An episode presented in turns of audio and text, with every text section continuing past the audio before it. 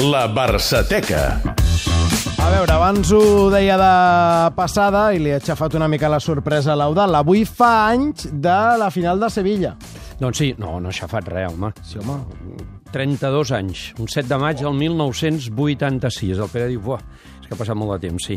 El Barça jugava la seva segona final de la seva història. La primera l'havia perdut l'any 61 a Berna contra el Benfica i ara davant l'Esteaua i a Sevilla, a més a més, tenia l'oportunitat per guanyar per primera vegada aquest títol. De fet, el Sánchez Pizjuán, que és on es va jugar la final, estava ple d'aficionats del Barça. En aquell moment encara hi havia doncs, el taló d'acer i de Romania en van venir ben pocs a Sevilla. El Barça, entrenat per Terry Venables, l'anglès, no va fer un bon partit i tot i tenir algunes ocasions va acabar empatant a 0, la pròrroga també amb empat a 0 i, senyors, vam anar a la tanda de penals. Va arribar el desastre.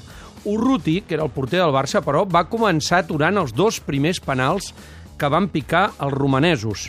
El Barça, però, va fallar no els dos primers, no, els tres primers. Alexanco, Pedraza i Pichi Alonso. L'Esteaua marca el tercer i també marca el quart.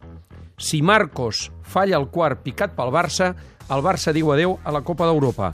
El Puyal ho explicava així a Catalunya Ràdio. Les coses estan molt malament pel Barça. Les coses estan molt malament pel Barça. Perquè el Barça ara hauria de marcar els dos que li queden i que els romanesos no marquessin el seu.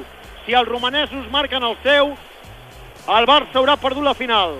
Però, a més a més, si fa falta que els romanesos no marquin el seu i que el Barça els marqui tots dos per aconseguir l'empat. El Barça ho té molt malament.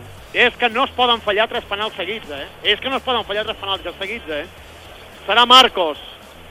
Serà Marcos, però ara, sí, amics, a les 11 i 2 minuts, ara sí que ho veig negre. Marcos cap a la pilota, Marcos cap a la pilota, pica amb el peu dret i atrapa el porter.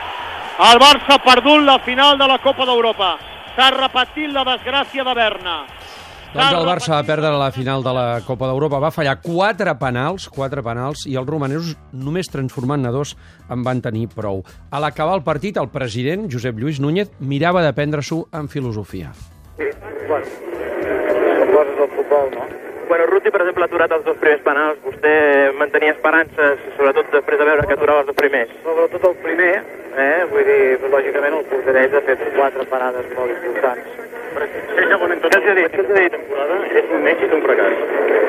Bé, jo no crec que una pilota entri o no entri sigui un fracàs, no? Jo crec que arribar a jugar dos finals de la Copa del Rei i la Copa d'Europa és molt difícil i la prova està que el Barcelona pues, li ha costat arribar-hi, no? Què els ha dit els jugadors davant del vestidor, president? Bueno, no passa res, que tenim que seguir treballant. Això és el futbol, vull dir, si, no, si el futbol fos, mat fos matemàtic, doncs no tindria cap al·licient.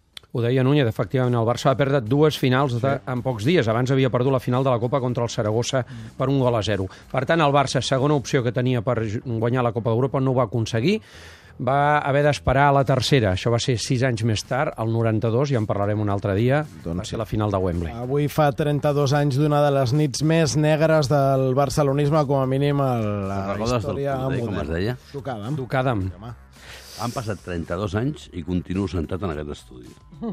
I jo continuo veient Ducadam corrent cap a, cap a l'infinit. Saps que li van tallar un dit al pobre home Sí, aquest? sí, problema. Eudal, gràcies.